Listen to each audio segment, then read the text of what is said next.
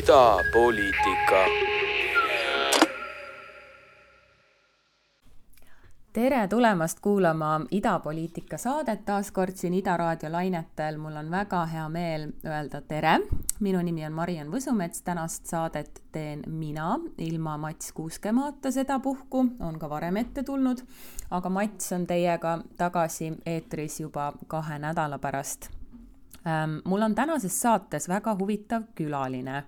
äh, väga armas külaline, nimelt äh, üks noor Eesti tudeng, kes elab siin Londonis, õpib UCL-is, University College Londonis, aga temaga me räägime juba mõne hetke pärast. ma alustuseks olen siin hommikul äh, kohvi kõrvale lapanud läbi nii Eesti kui Briti lehed mitte küll kõik, aga mis mulle silma on jäänud, on näiteks see, et väga palju on Eestis praegu juttu juttu kolmapäeval toimunud NATO ja Venemaa kohtumisest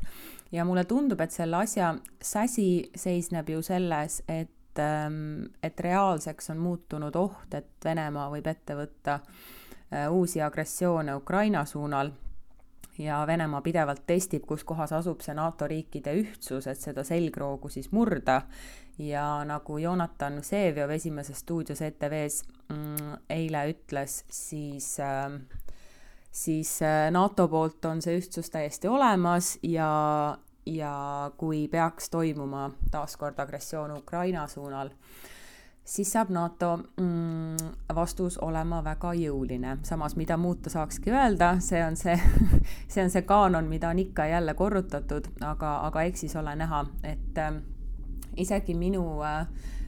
minu majakaaslased siin Londonis, kes on Portugalist ja Prantsusmaalt, keda justkui nii otseselt see selline Venemaa oht või konflikt ei ole kunagi ähvardanud või see nende nagu psüühes nii äh, aktiivselt ei ela nagu eestlastel näiteks või teistel Ida-Euroopa riikidel, siis isegi nemad on väga kursis ja väga mures selle pärast, mis äh, portugallane on veendunud, et, et Ukrainas läheb sõjaks. mina nii, mina nii ähm, Äh, äh, mina nii pessimistlik ei oleks, aga, aga elame-näeme, aga selge on see, et Venemaa neid piire, piire kompab ja, ja Krimm on, Krimm on ammu ära antud või ära võetud, nii et ähm, elame-näeme. Äh, mis selle nädala Suurbritannia poliitmaastikku on ähm, ilmestanud, lõbustanud, aga ka tegelikult väga nukraks teinud, on tõsiasi, et äh, Boris Johnsoni valitsus on sattunud järjekordsesse skandaali, jumal teab, mitmesse juba järjekorras on, aga väidetavalt siis mitte väidetavalt, vaid täiesti tõendatult äh, maikuus kaks tuhat kakskümmend, mis on siis äh, esimene lockdown jah, kui keegi mäletab, et pandeemia aasta esimene pool, maikuu toimus number ten'is ehk siis ähm, Briti valitsuse residentsis, selle aias, hoovis täpsemini, äh, pidu, mida, mis kandis siis, äh, kandis siis juhiseid, et bring your own booze ja noh, probleem on mõistagi selles, et lockdowni ajal äh, peaminister pidutsemas koos teiste ministrite, sõprade ja erinevate mm, avaliku sektori töötajatega on problemaatiline. see meid küll enam ei üllata, arvestades Boris Johnsoni äh, resümeed ja mainet, mis puudutab siis reeglite rikkumist äh,, reeglite rikkumist, aga tõsi on see, et on alanud siis äh, uurimine äh, sellesse, et mis seal täpselt toimus ja kas peaminister siis rikkus selles mõttes seadust või eeskirju, et avalikud kogunemised ja tegelikult ka privaatsed kogunemised olid siis veel keelatud või väga suures mahus piiratud, nii et Boris Johnson on sattunud järjekordsesse toredasse skandaali. kas see teda nüüd küll mõjutab ja kas see talle saatuslikuks võib saada, keegi ei oska öelda, sest et ähm, on ka hullemaid asju sellel mehel olnud olnud kraes ja kõigest on ta kas nüüd puhtalt välja tulnud, aga igal juhul välja tulnud. Ähm, ja, ja mis on veel huvitav Johnsoni puhul, on see, et tema endine nõunik Dominic Cummings, kes oli siis peamine Vote Leave'i kampaania arhitekt ehk siis peamine Brexiti äh, kampaania arhitekt ja, ja nii-öelda sõnumi, sõnumiseadja on siis asunud ka Boris Johnsoni vastu ja ilmselt üritades isiklikku profiiti lõigata sellest on siis asunud ähm, äh, mustama Johnsonit, aga mustama mitte siis tühjast kohast, vaid lihtsalt ta on asunud välja tooma kogu seda musta pesu, mis Johnsoni kapis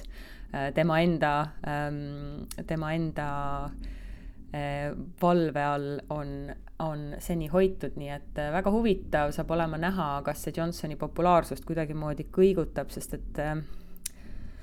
sest et äh, Johnsoni populaarsus ei põhine, ei ole kunagi põhinenud nii väga tema ratsionaalsetel suurepärastel poliitikatel, vaid lihtsalt tema meelelahutuslikkusel ja tema teataval sellisel nagu maskotlikkusel isegi, kui see üldse sõna on, et äh, John, Johnson on populaarne selle tõttu, et ta on äh, tore ja naljakas. vahepeal noh, võib, võib mõnes situatsioonis võib-olla paralleele tõmmata ka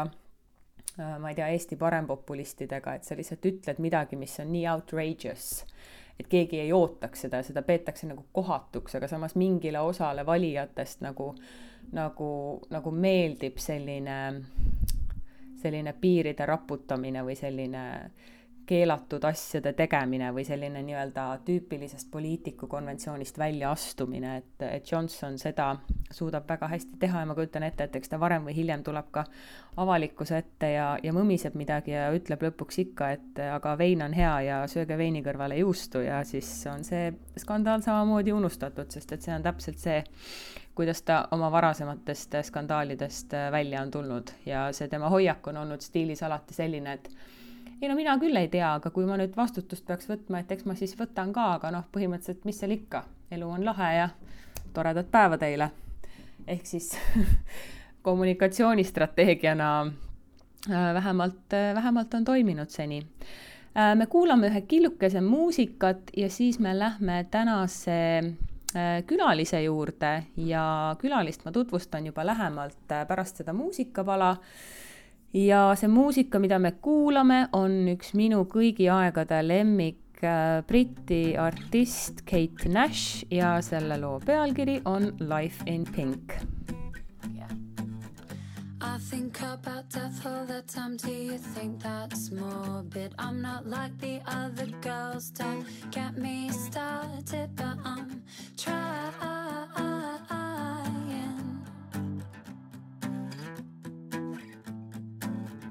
Well, I wish that I could take you to another time when everything was cool and my mental health was fine.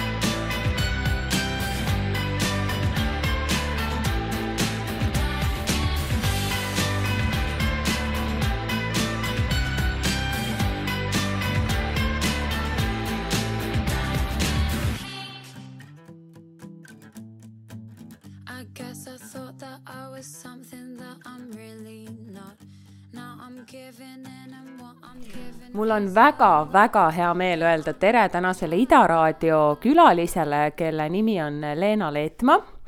Leena Leetmaa on äh, sotsioloogia tudeng teisel kursusel UCL-is äh, University College Londonis ja ma intervjueerin teda täna oma elutoa diivanil ja mul on, ma olen väga elevil, sellepärast et Leenaga me esimest korda kohtusime, ma ei julge praegu, ma arvan, et me kohtusime kusagil mujal, me käisime kohvi joomas kõigepealt, kui mina siia kolisin. aga ma tean Leenat sellest, et ta on käinud äh, Extinction Rebellioni meeleavaldustel siin Londonis, aga ka selle poolest, et ta huvi- äh,, õpib väga huvitavat eriala siin ja mul on äh, nagu juba öeldud, väga hea meel täna Leenat siin oma kodus äh, võõrustada, me istume siin äh, sellises sumedas õhtuvalguses. Leenal on täna olnud just äh, esimene huvitav soouuringute loeng, millest me kohe hakkame ka rääkima, me räägime hariduse akadeemilise hariduse erinevusest Eestis ja Ühendkuningriigis, küll muidugi oma kogemuse põhjal, et me mingeid põhjapanevaid üldistavaid järeldusi tegema ei hakka aga Leena, mis ma mainimata jätsin, sa oled kahekümne kahe aastane ka, see ei ole maailma kõige olulisem asi, aga konteksti mõttes äh, mind alati tavaliselt see näiteks huvitab mm. -hmm. mis ma veel mainimata jätsin um,? kakskümmend üks küll, aga sellest pole Sorry, kakskümmend üks sa oled. sellest ei ole üldse hullu. ma olen võtnud omale pähe, et sa oled kakskümmend kaks ja ma olen teinud su aasta vanemaks ja. ja see riimus praegu. jah võimas. mis aga... ma mainimata jätsin, sa käisid Miina Härma gümnaasiumis Tartus. jah ähm,, ma käisin Miina Härma gümnaasiumis ähm,, ma olen, ma pean oma kodulinnaks Tartut, kuigi see ei ole küll koht, kus ma sündisin, et ma sündisin tegelikult Tallinnas ähm,. jah, et Tartu on nagu minu kodulinn äh,. Eesti on endiselt väga armas, ma tulin siia kolm aastat tagasi Londonisse õppima äh,, natuke vähem kui kolm aastat tagasi ähm,. jah, mis mina mainimata jätsin mis sina mainimata jätsid, hüppame kohe pea ees sisse. sa, kool on nüüd uuesti alanud jaanuaris ja soouuringud, kriitiline sooanalüüs oli sul täna selline, selline loeng äh, ma ei ole päris kursis sellega, kuidas sotsioloogiaõpingud Eestis, Tallinna või Tartu Ülikoolis välja näevad, aga ma tean, et see on kindlasti teema, mis sulle äh, endale huvi pakub ja, ja südamelähedane on esiteks, miks ja teiseks, mis see kriitiline lähenemine või see meetod on, äh, mida te seal aines õpite või kuidas te seal aines õpite? jah, et ähm, noh, sotsioloogiat õpime ka nagu üleüldisemalt ja teiste ainete kaudu, aga hetkel on jah, mul selline äh, moodul siis nagu äh, soovsotsioloogia ja ma ütleksin, et põhiline selline lähenemine on see, et iga nädal on loomulikult eri teema. Äh,. me alustasime lihtsalt sellega, et mis, mis see üldse on ja põhiterminid nagu ma ei tea ähm,, sugu, inglise keeles on kaks erinevat sõna, näiteks sex and gender, ehk siis see on huvitav juba niisugune lingvistiline märge, et ähm, eesti keeles ei ole kahte sõna. Ja Ehm, ja siis edasi me vaatame erinevaid, erinevaid feminisme, ehk siis võib-olla Eestis, ma ei tea, kui lähedal olla, nii-öelda tuttav ollakse sellega, aga feminismid just mitmuses sellepärast, et neid lähenemisi on tegelikult väga erinev, erinevaid no anna meile hästi põgus ülevaade erinevatest feminismidest, feminismi lainetest ja erinevatest suundadest tänapäeval, et äh, natukene võib-olla kuulajale, kui on keegi, kes kuulab, kes äh, pole väga kodus selle terminoloogiaga, ilma väga süvitsi minemata mm, -hmm. kui sa mhm. peaks oma väiksele õele seletama, kuidas sa seletaks? no okei okay. hmm. um,. võib-olla esimene, millest ma alustaks, on siis selline uh, põhivoolufeminism, millel on kindlasti häid um, elemente et see on selline nagu üleüldiselt äh, naisi julgustav ja nii-öelda inglise keeles öeldakse empowering, eks ole. ja võimestav on vist, me lõpuks võimestav. leidsime Eestis ka selle sõna üles, pikalt otsisime, ma tean yes., aga võimestav jah. võimestav ähm, ja üldiselt nagu just ähm, so-, soosib just nagu nii-öelda naiste erinevatele uutele kõrgematele töökohtadele äh, saamist ja taotlemist. ja võib-olla selle ajalugu on rohkem seotud sihukeste seitsmekümnendate, kaheksakümnendate feminismiga, mis ähm, mis näiteks USA-s oli sellises kontekstis, et nagu noh, et me oleme naised, me oleme kogu aeg kodus, et me tahame ka tööle minna ähm,.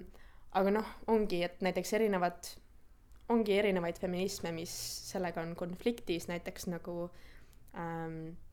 natukene nii-öelda progressiivsemad ja radikaalsemad feminismid, mis näiteks vastavad sellele niiviisi, et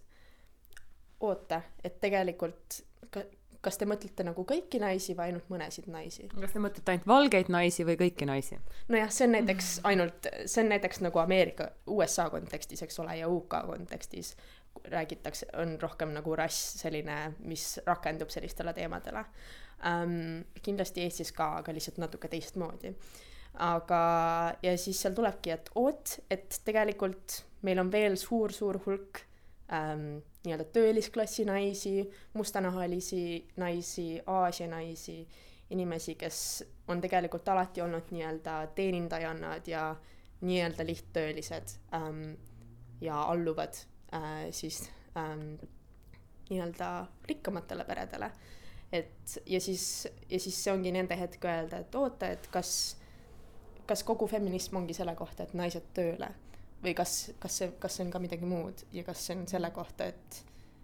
et ähm, üldsegi natuke kriitilisem olla suurte, suuremate nagu jõustruktuuride osas mm. -hmm. jah, seda enam, et mitte sugugi kaugeltki igas riigis terves maailmas ei ole võimalik saada äh, müüjatüdrukust peaministriks nagu Soomes, et see on pigem, pigem erand kui reegel. mis sind personaalselt sotsioloogia ja kogu selle temaatika, soouuringute ja keskendume võib-olla isegi kitsamalt feminismile. mis sind isiklikult selle poole tõmbab, kui mina olin kakskümmend üks, ma ei julge peast öelda, mida ma feminismist arvasin, kui ma sellest üldse kuulnud olin, küllap olin, aga ma arvan, et mu arusaam sellest oli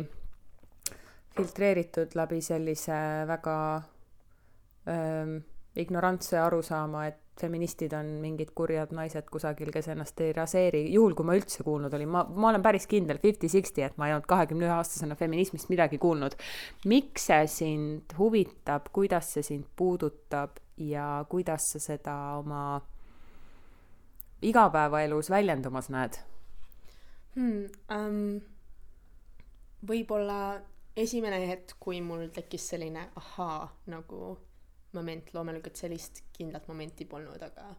nii-öelda sihuke üleüldine mõte äh,. oli siis, kui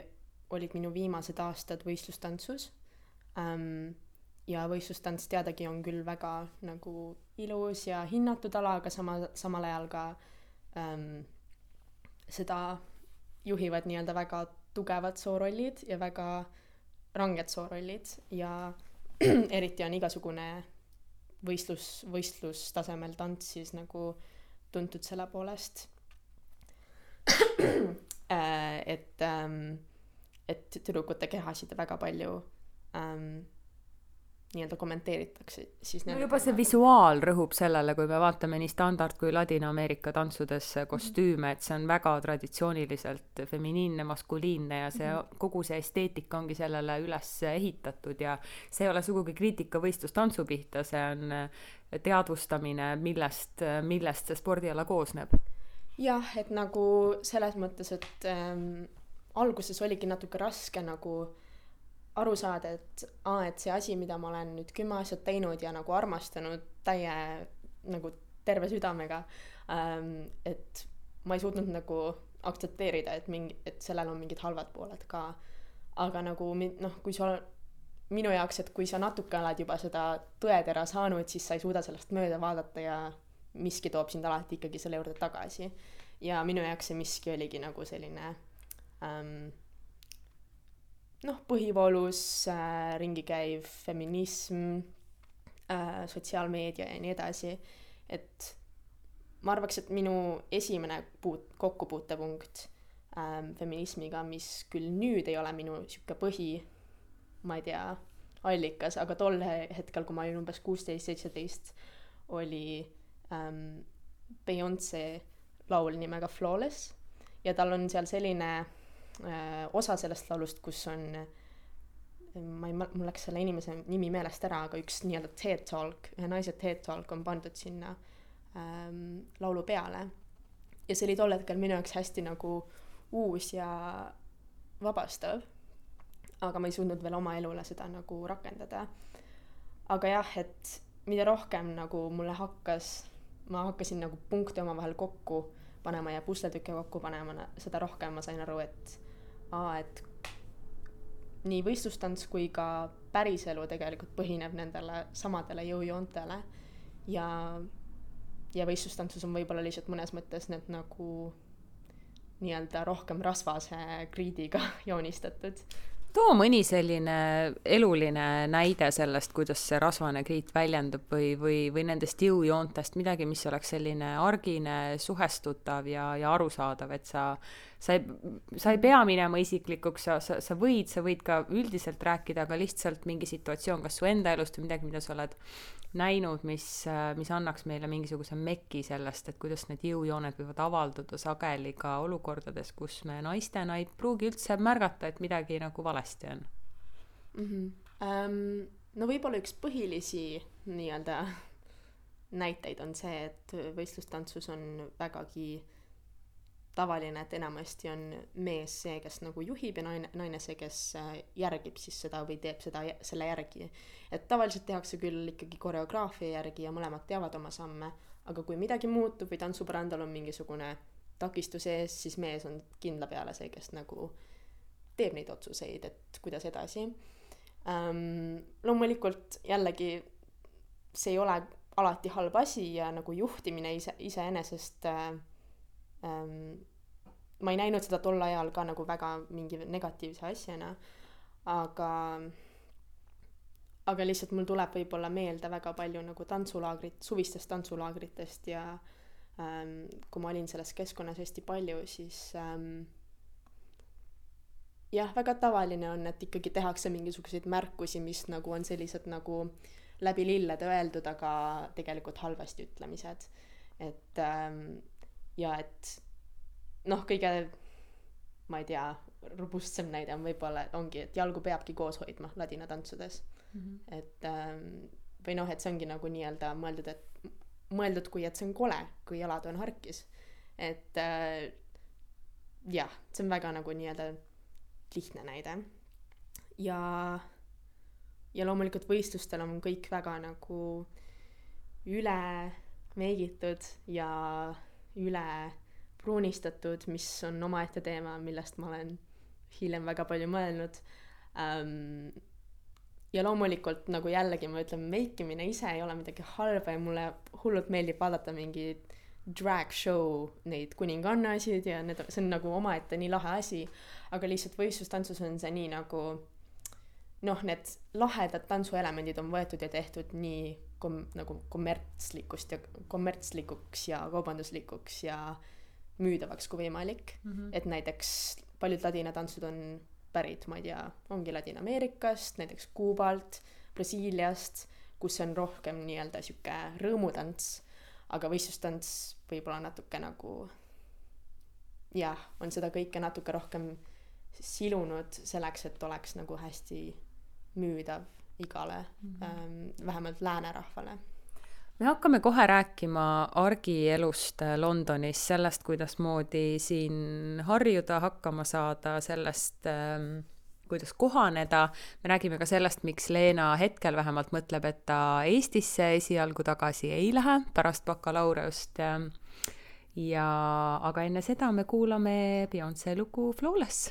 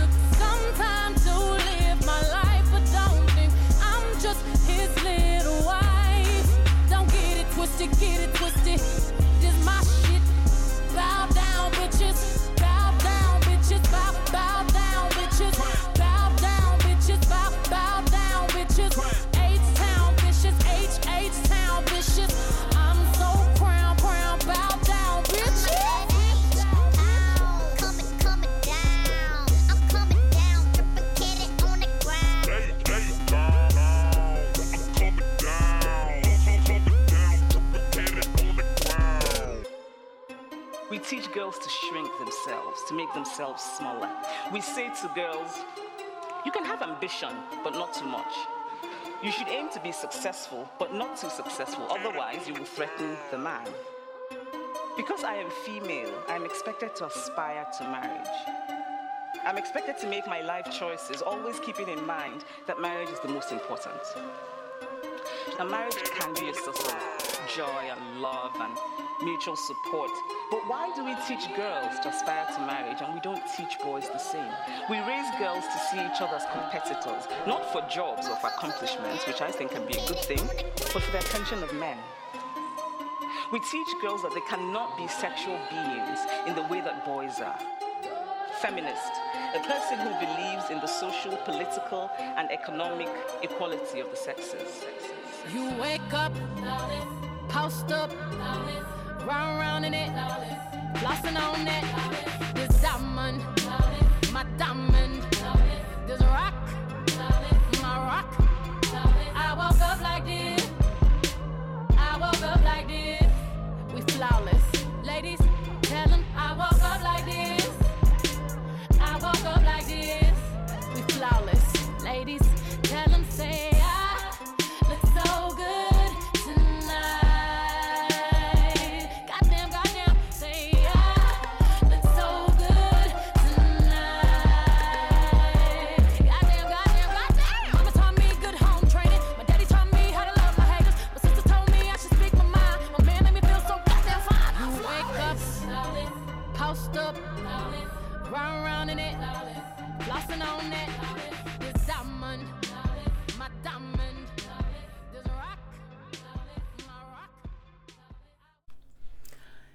elu Londonis on väga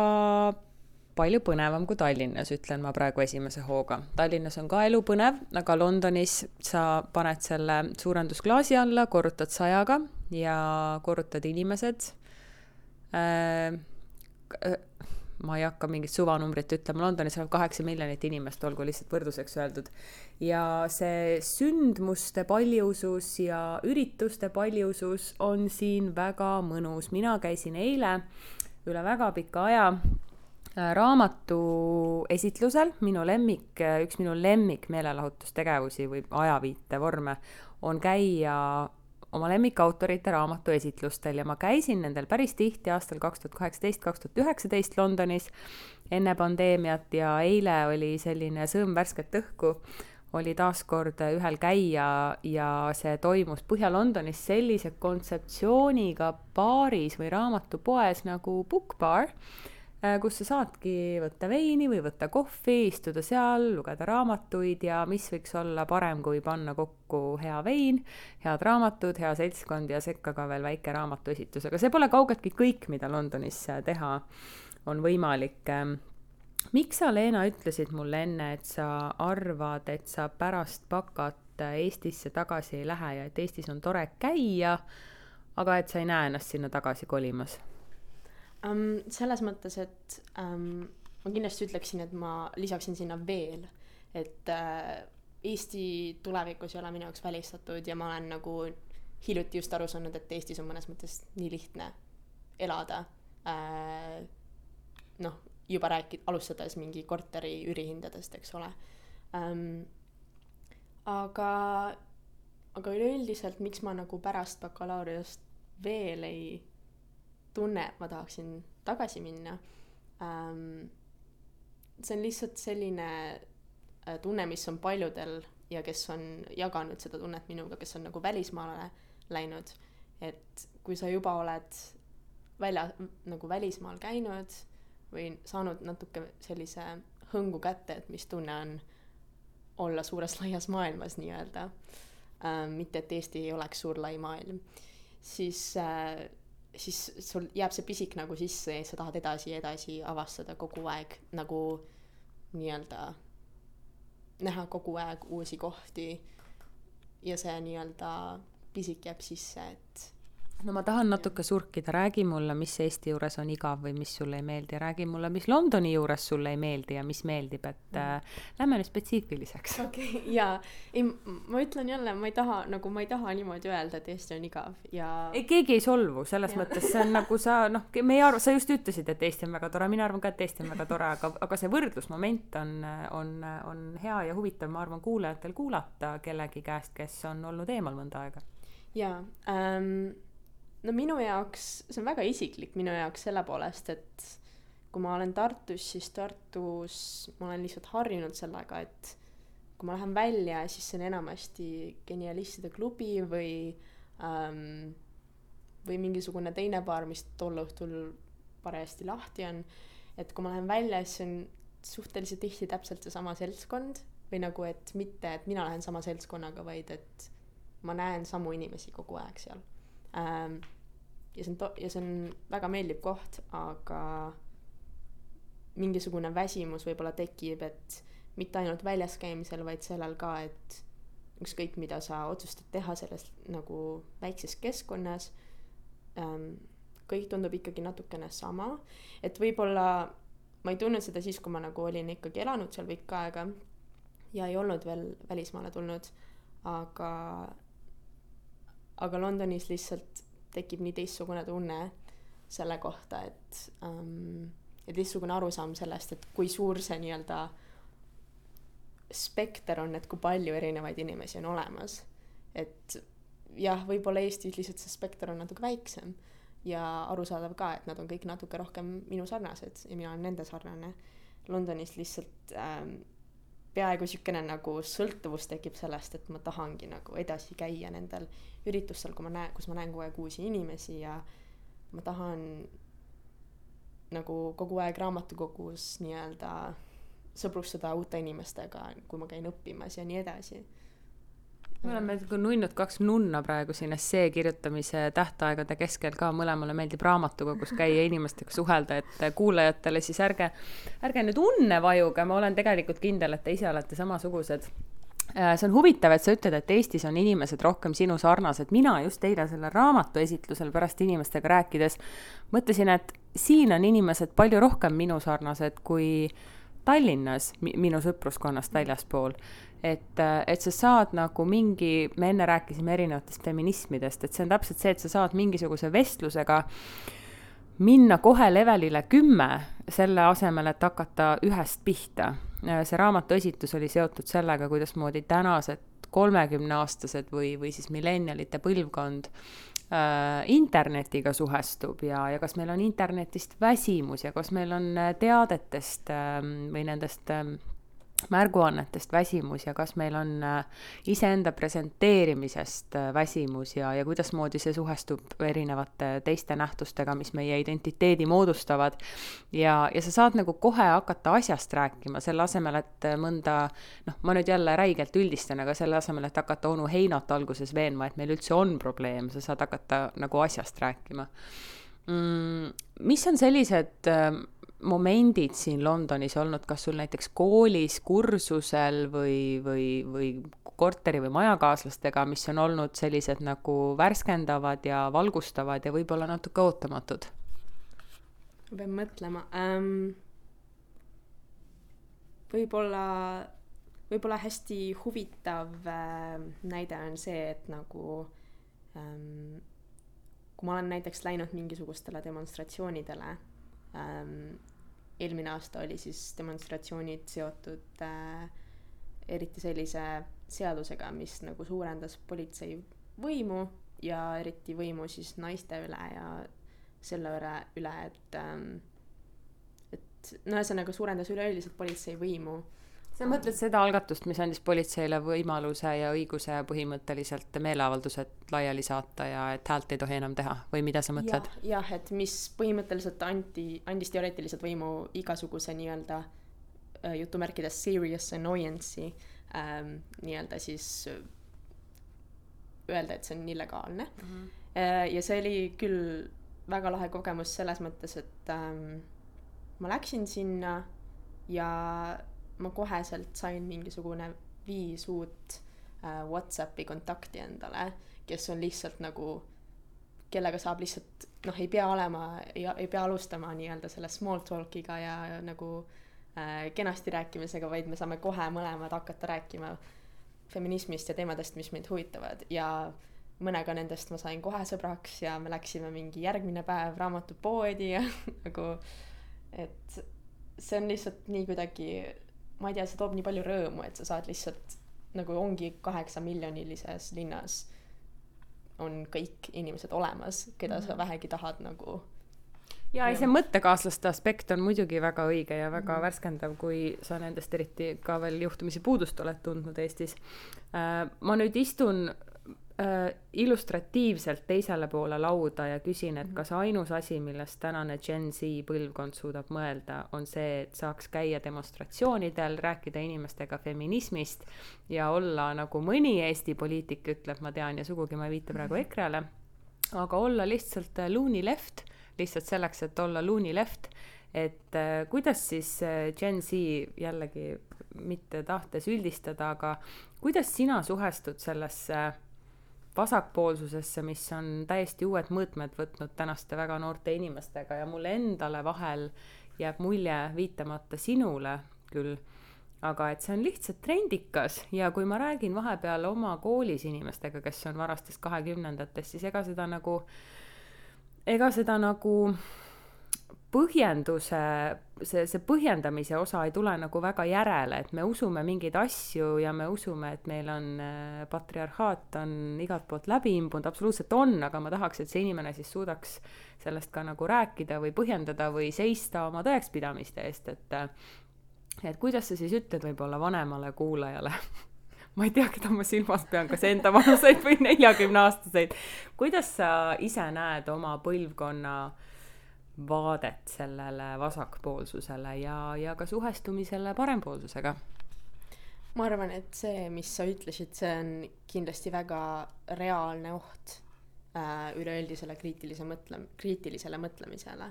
et äh, see on loomulikult positiivne asi, kui noored avastavad enda jaoks igasuguseid vaatepunkte ja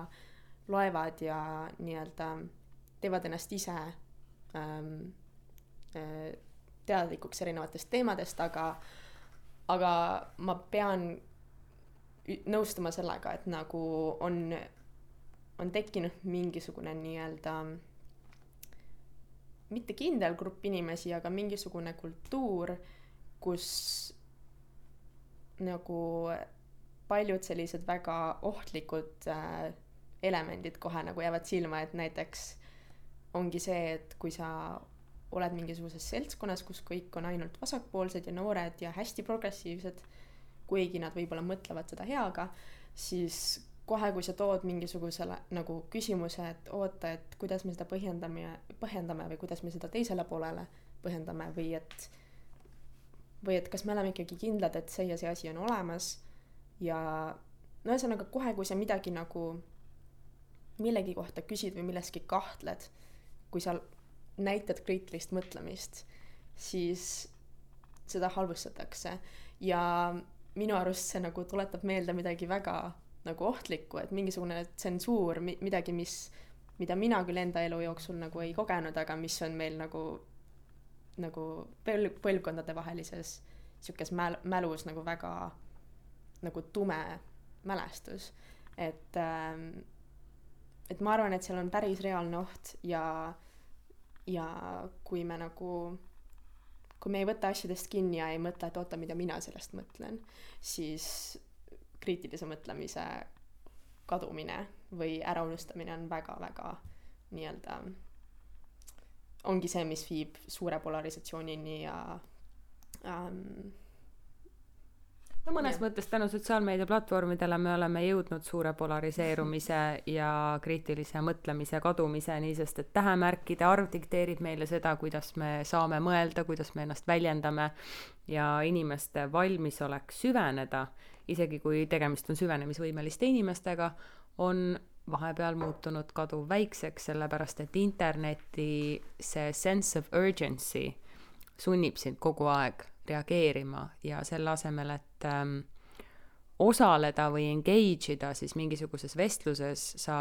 internet julgustab sind pigem reageerima ja produtseerima jälle, järjest arvamusi, et kindlasti siin see tehnoloogia ja sotsiaalmeedia mõju ei, ei saa nagu alahinnata, sest et see dikteerib väga palju ka seda, kus suunas liigub ajakirjandus ja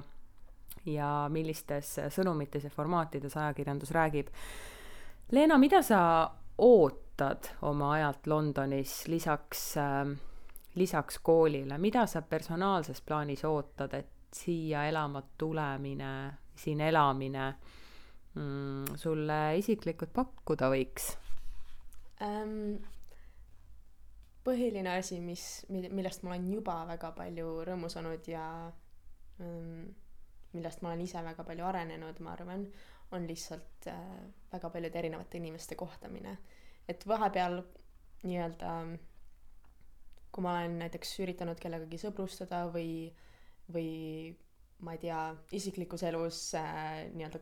kohtingutel käia, siis isegi kui ma ei jää inimestega suhtlema pikaajaliselt ja kui me mõistame, et me võib-olla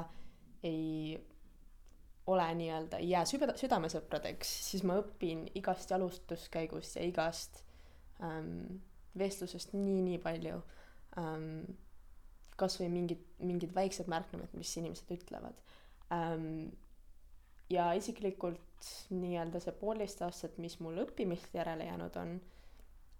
et seda ma tahaksin lihtsalt võimalikult palju pühendada sellele, et ähm, nautida uut nagu, nautida seda kultuuriruumi, kus ma olen ähm,, käia võimalikult paljudel kontsertidel ja väikestel nii-öelda eesti keeles vist, vist on sõna keika mm, -hmm. äh, mis on nii-öelda gig ähm, jah, et ja nagu sinagi, ma tahaks tegelikult käia rohkem raamatuesitlustel ja ähm, jah, nii-öelda äh, toetada autoreid, kes mulle väga-väga meeldivad ähm,. autoritest äh, rääkides ja raamatutest ja kuna sa siin mainisid kohtingutel käimist, siis ähm, kõik see mees ja naine ja vahepealsed, kes praegu kuulavad idapoliitikat, lähevad nüüd hopsti feministeerium.ee ja loevad raamatuarvustust äh, Dolly Aldertoni värskest raamatust, mis ei ole nii värske enam, see ilmus eelmisel aastal, aga Ghosts, mis on tõlgitud ka eesti keelde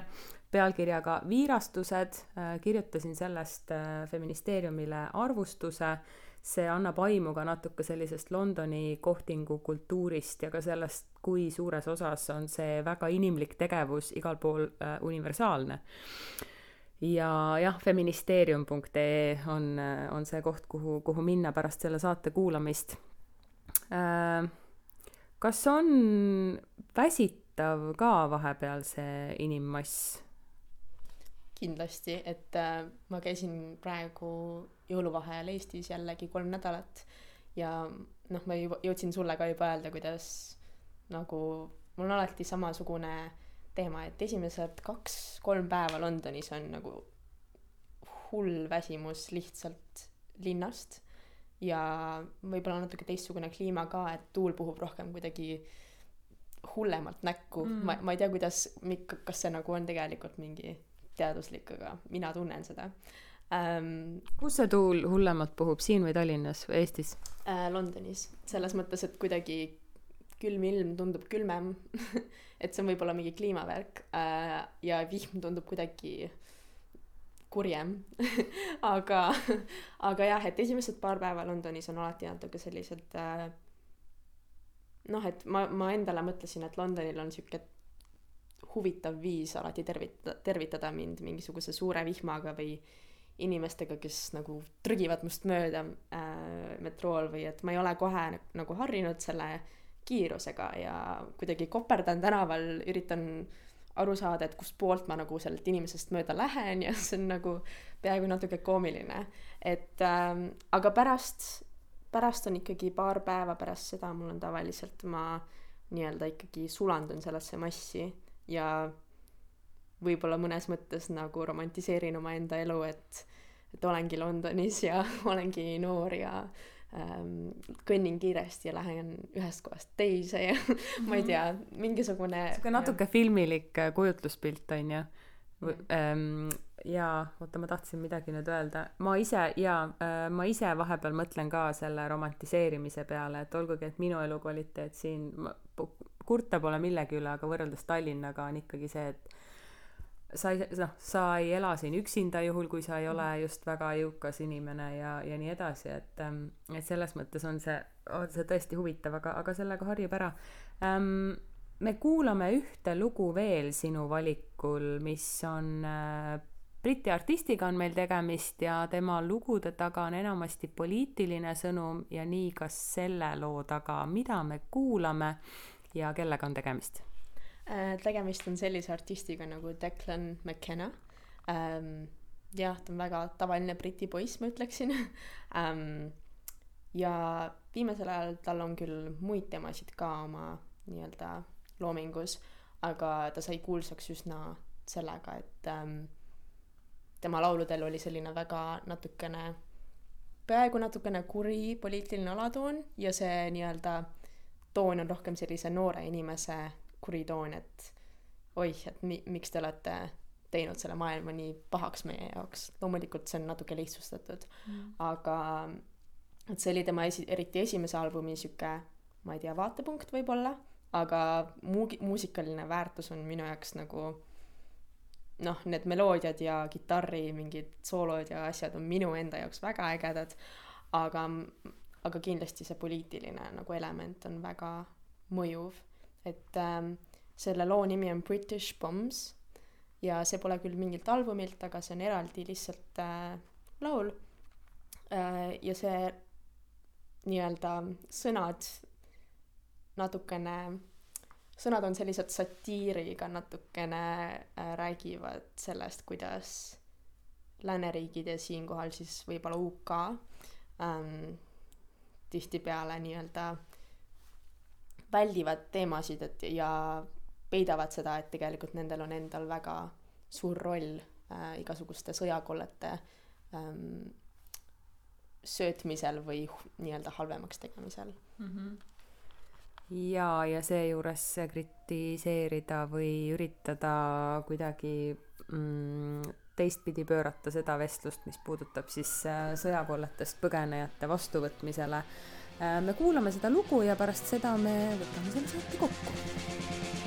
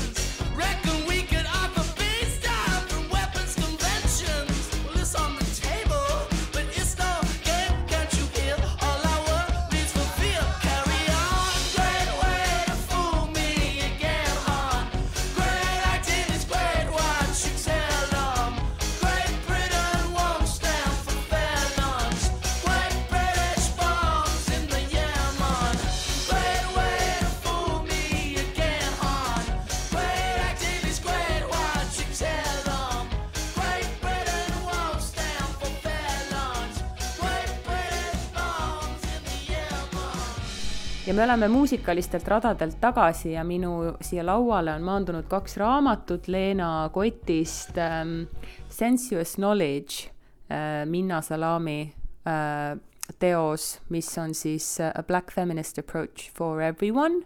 äh,. kas tegemist on kooliraamatutega või miks sa neid praegu kaasas kannad või tulid sa otse koolist ja teine on Audrey Lord Sister Outsider. tegemist on mõlema puhul siis äh, Black Feminism, mustanahalist feminismi käsitlevate raamatutega, väga äh, ilusad ja huvitavad ja sellised äh, ligitõmbavad kaaned on nendel ka, et miks need raamatud sul kotis on praegu? Um,? no need on, need on küll minu raamatud, et need ei ole kooliraamatud, aga need on mul kotis sellepärast just, et mul oligi täna see soosotsioloogia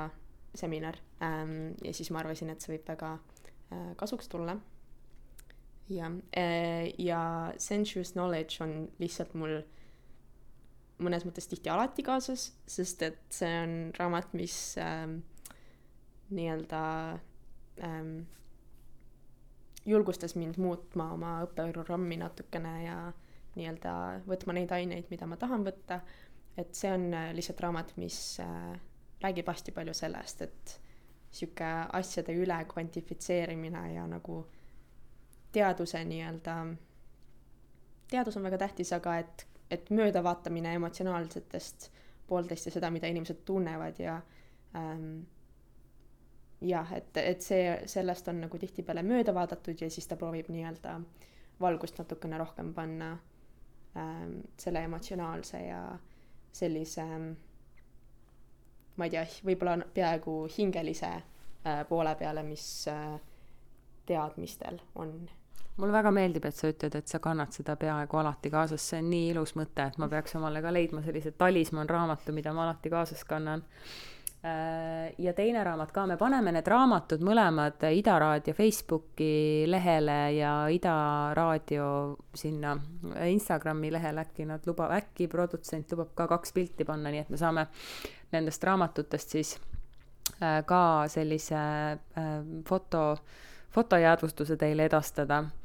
mm,? Leena, väga tore ja inspireeriv, issand jumal, kui ülekasutatud on sõna inspireeriv, mm. aga on tegemist hilisema õhtutunniga. tõesti oli inspireeriv sinuga rääkida ja ma ei tahaks üle fetišeerida siin inimeste noorust kuidagi, aga, aga, aga minus, minule annab see küll sellist toredat usku ja indu, et, et, et minust nooremad inimesed on, on, on nagu hakkajamad mõnes mõttes, kui, kui mina selles vanuses, et ma kõlan endale juba kuuekümnendat korda nagu vanainimene, mida ma kindlasti ei ole, aga seda on lihtsalt väga-väga tore näha ja kahjuks, kahjuks ei saa seda laiendada kõikidele sinu generatsiooni inimestele, et selles mõttes ma ei ürita siin äh, laia brush'iga tõmmata järeldusi, aga, aga sinuga vestlemine on, oli tõesti väga väga huvitav, seda enam, et ma pea kümme aastat endast nooremate inimestega igapäevaselt äh, ei vestle ja see on ka Ida Raadio idapoliitika üks eesmärke ongi tuua teieni inimesi, kes võib-olla äh, kõige rohkem eetriaega jah, suures meedias võib-olla ei saa, et kui palju sa ise, lõpetuseks ütle lühidalt, kui palju sa ise Eesti meediat, Briti meediat jälgid poliitika mõttes? Äh, Briti meediat äh, isegi kahjuks või õnneks praegu rohkem, äh, Eesti meediat vahepeal, ähm, aga ma pean tõdema, et praegu hilja, nagu viimasel ajal ma olen suhteliselt ähm, vähe kursis olnud Eesti asjadega, et kuulen nagu tuttavatelt, aga see nii-öelda, ma ei tea, ajumaht ei luba kõike kogu aeg jälgida, jälgida Eesti meedias on praegu kaks suurt sensatsiooni, üks on elektriarved ja kaks päeva tagasi saabunud info, et Martin Helme perekond on koroonas. see on ka minu viimase aja teadmised eh, Eesti poliitikast. Leena Leetmaa, suur aitäh sulle veel kord Idapoliitika saatesse tulemast ja mina olin ja olen Mariann Võsumets, kahe nädala pärast on teiega juba siin uuesti tagasi Mats Kuuskemaa. Eh, kasutan ka võimalust eh, teha veel kord reklaami, kutsuda kõiki vaatama filmi, äh, mis on minu film, minu tehtud film nimega Kehavõitlus ja see on nähtav Telia tv-s ja Elisa elamuse platvormil. nii et minge aga vaadake, ma usun, et kui te idapoliitikat kuulate ja sellises, sellistes kanalites ennast leiate aega veetmas, siis te olete ilmselt selle filmi nime võib-olla ka, võib-olla ka kuulnud, aga kes veel näinud ei ole, siis Elisa ja Telia tv platvormidel on see film nüüd vaadatav. idapoliitika on uuesti eetris kahe nädala pärast, nagu juba öeldud, siis valmistab Mats teile midagi põnevat ette, nii et hoidke kõrvad kikkis, silmad kukla taga ja, ja eespool ka ja näeme-kuuleme juba varsti